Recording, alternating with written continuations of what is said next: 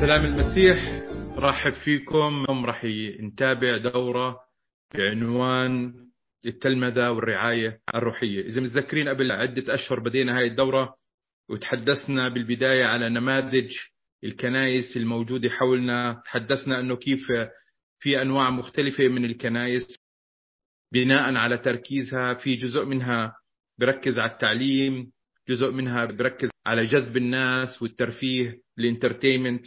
في بعض الكنائس بتركز على الإرساليات وعنه كيف تخلق فرص للخدمة للناس كيف يكونوا جزء من المجتمع ويأدوا خدمات تبني المجتمع اللي حواليهم.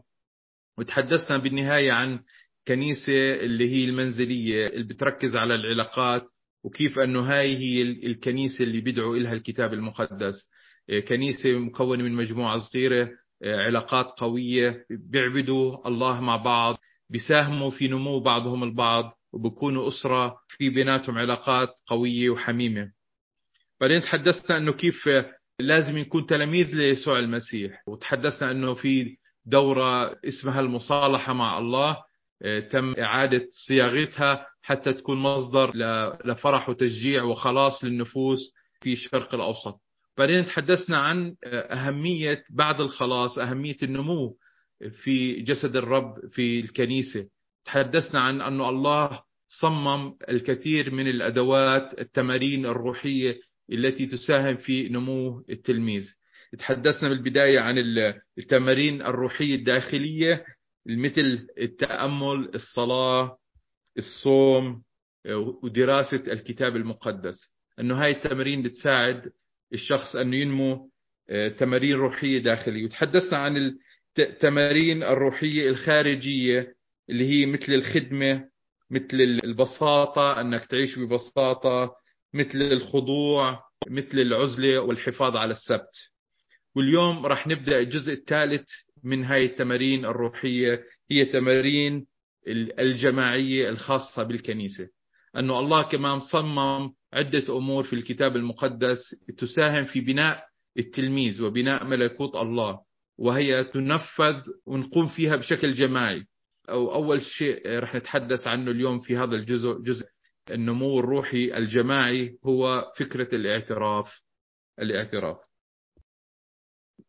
طبعا كل هاي الدروس اللي أنا تحدثت عنها موجودة على مدونة مدرسة معاكم. في الجزء اللي بخص النشر حديثا.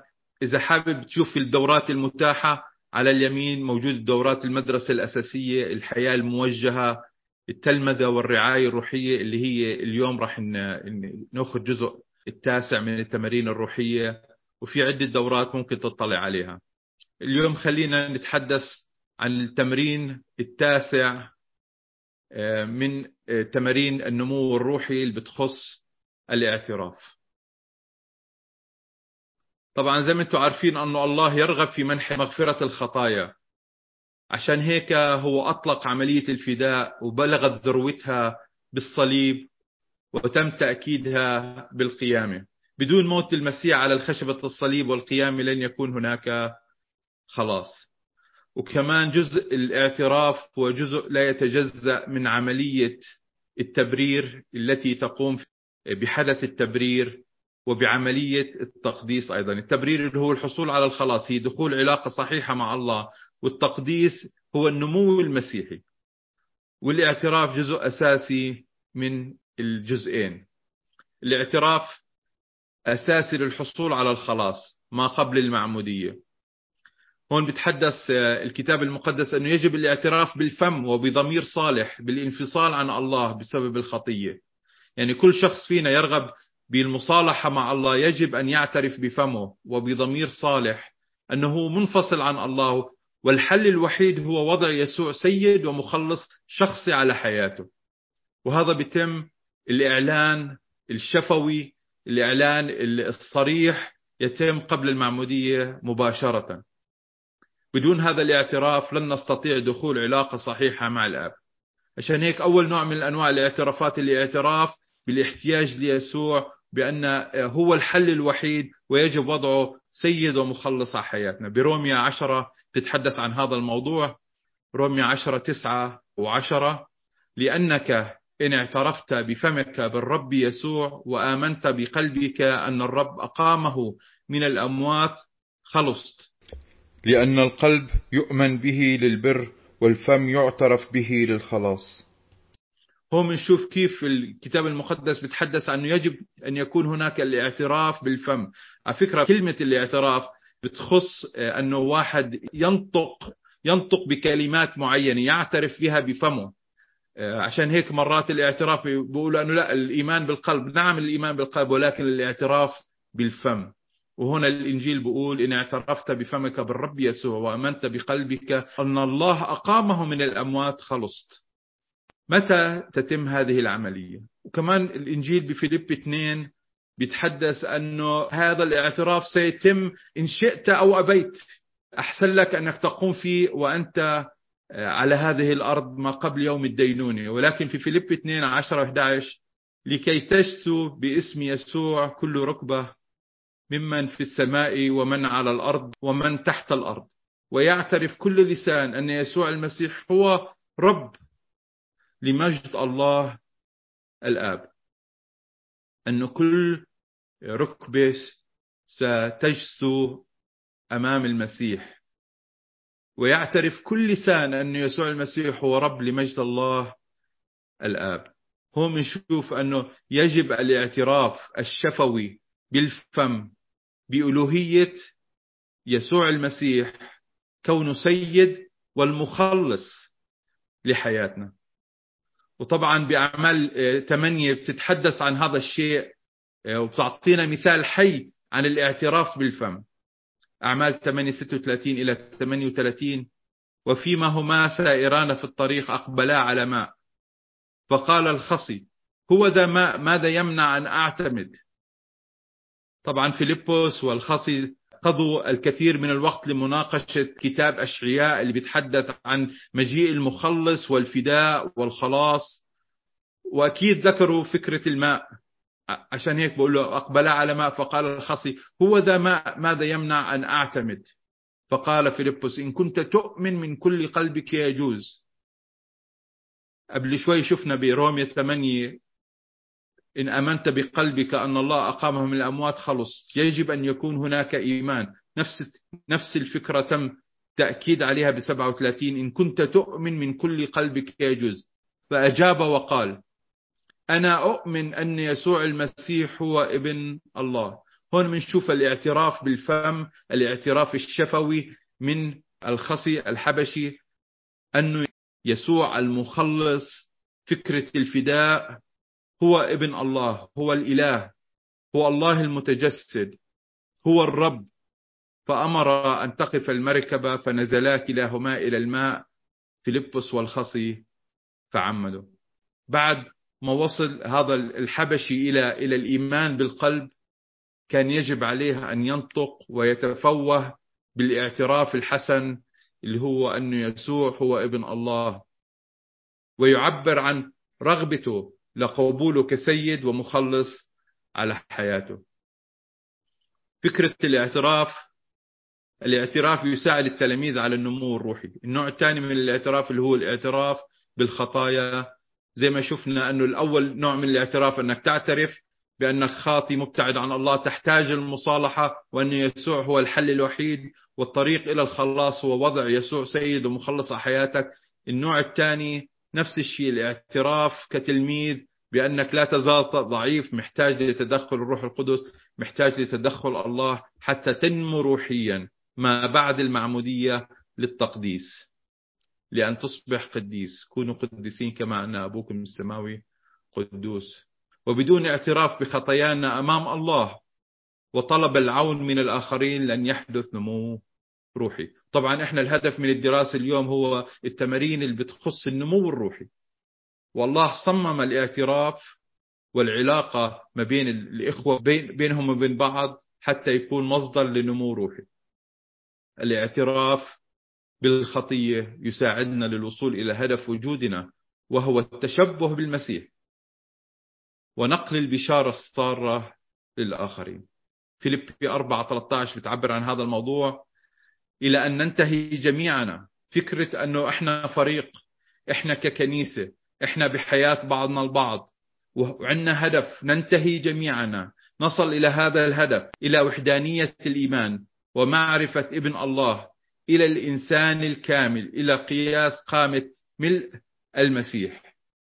الهدف من الاعتراف هو أن نساعد بعضنا البعض كفريق أنه ننمو أنه نكون آه، نتمثل في يسوع المسيح. فيليبي 2 12 إذا يا أحبائي كما أطعتم كل حين ليس كما في حضوري فقط بل الآن بالأولى جدا في غيابي. تمموا خلاصكم بخوف ورعدة. فكرة أنه نعيش حياتنا كتلاميذ عندنا هاي الرغبة عندنا هاي الشهوة عندنا هاي الجدية بأنه ننمو نتمم خلاصنا نصل إلى ملء قامة المسيح كجماعة أنه يجب أن يكون هناك جدية.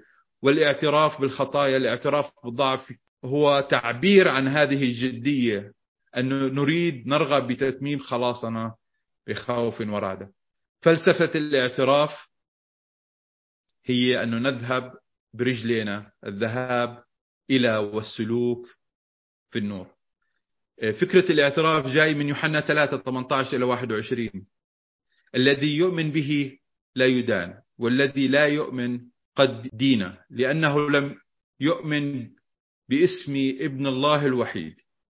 وهذه هي الدينونة أن النور قد جاء إلى العالم وأحب الناس الظلم أكثر من النور لأن أعمالهم كانت شريرة. لأن كل من يعمل السيئات يبغض النور. ولا يأتي إلى النور لئلا توبخ أعماله. أما من يفعل الحق فيقبل إلى النور لكي تظهر أعماله أنها بالله معمولة. فلسفة الاعتراف أنك أنت ما تتخبى في الظلمة ولكن تأتي إلى النور تظهر نفسك أنك عندك رغبة شديدة أنك أنك تكشف أنك تظهر ماذا يحدث في حياتك؟ أنك تكون حقيقي واقعي صادق مع نفسك ومع الآخرين. أنك فعلا يكون عندك هاي الرغبة بأنك تكون ظاهر أمام الله. أنك تأتي إلى النور. وأما من يفعل الحق فيقبل إلى النور. فلسفة الاعتراف أنك أنت بدك تيجي للنور أنك تكون واضح أمام الله. أنك تطلب معونة الآخرين حتى تنمو روحيا. وأنك فعلا تسمح لله أن يتدخل في حياتك. في سؤال بينطرح لمن أعترف؟ الجواب الاعتراف لله مباشرة و أو للآخرين. الطريقتان موجودتان بالكتاب المقدس بالإنجيل. لمن نعترف؟ في العهد القديم الشخص بيجي للكاهن بيعترف أنه خاطئ وبيطلب أنه لتقديم ذبيحة حتى يحصل على مغفرة الخطايا. طبعا الاعتراف بالخطية مرتبط بالمغفرة الخطايا. هون بنشوف أن يسوع هو الكاهن العظيم. إحنا ككنيسة العهد الجديد لنا كاهن عظيم. عبرانيين 4 14 إلى 16 فإذ لنا رئيس كهنة عظيم. قد اجتاز السماوات. يسوع ابن الله. فلنتمسك بالإقرار. فكرة الإقرار. الإقرار بالإنجليزي confession or to confess أنك تتمسك بالإقرار. ما هو هذا الإقرار؟ ما هو هذا الاعتراف؟ ما هو هذا الشيء اللي أنت اعترفت فيه بلسانك؟ فلنتمسك بالإقرار. لأن ليس لنا رئيس كهنة غير قادر أن يرثي لضعفاتنا. فكرة رئيس الكهنة يرثي للضعفات. أنك تعترف أمامه بأنك أنت ضعيف بأنك أنت خاطي وهو قادر أن يرثي يتعاطف. بل مجرب في كل شيء مثلنا بلا خطية. عارف بالضبط إيش اللي مرينا فيه. اختبر هذا الشعور اختبر هذه التجربة ولكن بلا خطية فلنتقدم بثقة إلى عرش النعمة. الاعتراف لله هو أنك تقول يا رب أنا خاطي أنا عندي مشاكل وجاييك بهاي الثقة بحط خطيتي أمامك أمام مذبحك. فلنتقدم بثقة إلى عرش النعمة لكي ننال رحمة ونجد نعمة عونا في حينه. فكرة الاعتراف إلى الكاهن العظيم وعندنا هاي الثقة بأنه نجيله في أي وقت أنه إحنا نكون منفتحين أمامه. نتمسك بهذا الإقرار أنه عندنا يسوع هو ابن الله. بعد 14 يسوع ابن الله. فلنتمسك بالإقرار. وهو قادر أنه يتعاطف معنا ويغفر لنا خطايانا. ويعطينا هاي الرحمة هاي النعمة هذا العون في الوقت المحدد. بتيموثاوس الأولى 2 5 و6 بتتحدث لأنه يوجد إله واحد وسيط واحد بين الله والناس الإنسان يسوع المسيح. فكرة أن يسوع المسيح هو الكاهن العظيم الوسيط الوحيد بين الله والناس الذي بذل نفسه فدية لأجل الجميع. الفدية لمغفرة الخطايا. إحنا نعترف عشان مغفرة الخطايا اللي حصلنا عليها بالتمام ومحتاجين أنه نستمر في هذا الاعتراف خلال حياتنا للوصول إلى القداسة إلى ملء قامة المسيح الذي بذل نفسه فدية لأجل الجميع الشهادة في أوقاتها الخاصة. بعد ما شفنا أن المسيح يسوع المسيح هو الكاهن العظيم. التلاميذ كهنة أيضا. كل شخص اختبر المسيح كل شخص وضع ثقته في المسيح وضع يسوع سيد ومخلص حياته. قادر أنه يكون جزء من هذه العملية. الاعتراف لأفراد ناضجين بالكنيسة مثل الشيوخ إن وجدوا. لمين أعترف؟ لازم تشوف في شخص ناضج حتى يقدر يساعدك. بطرس الأولى 2 9 وأما أنتم فجنس مختار وكهنوت ملوكي أمة مقدسة شعب اقتناء لكي تخبروا بفضائل الذي دعاكم من الظلمة إلى نوره العجيب. التلاميذ هم كهنوت ملوكي.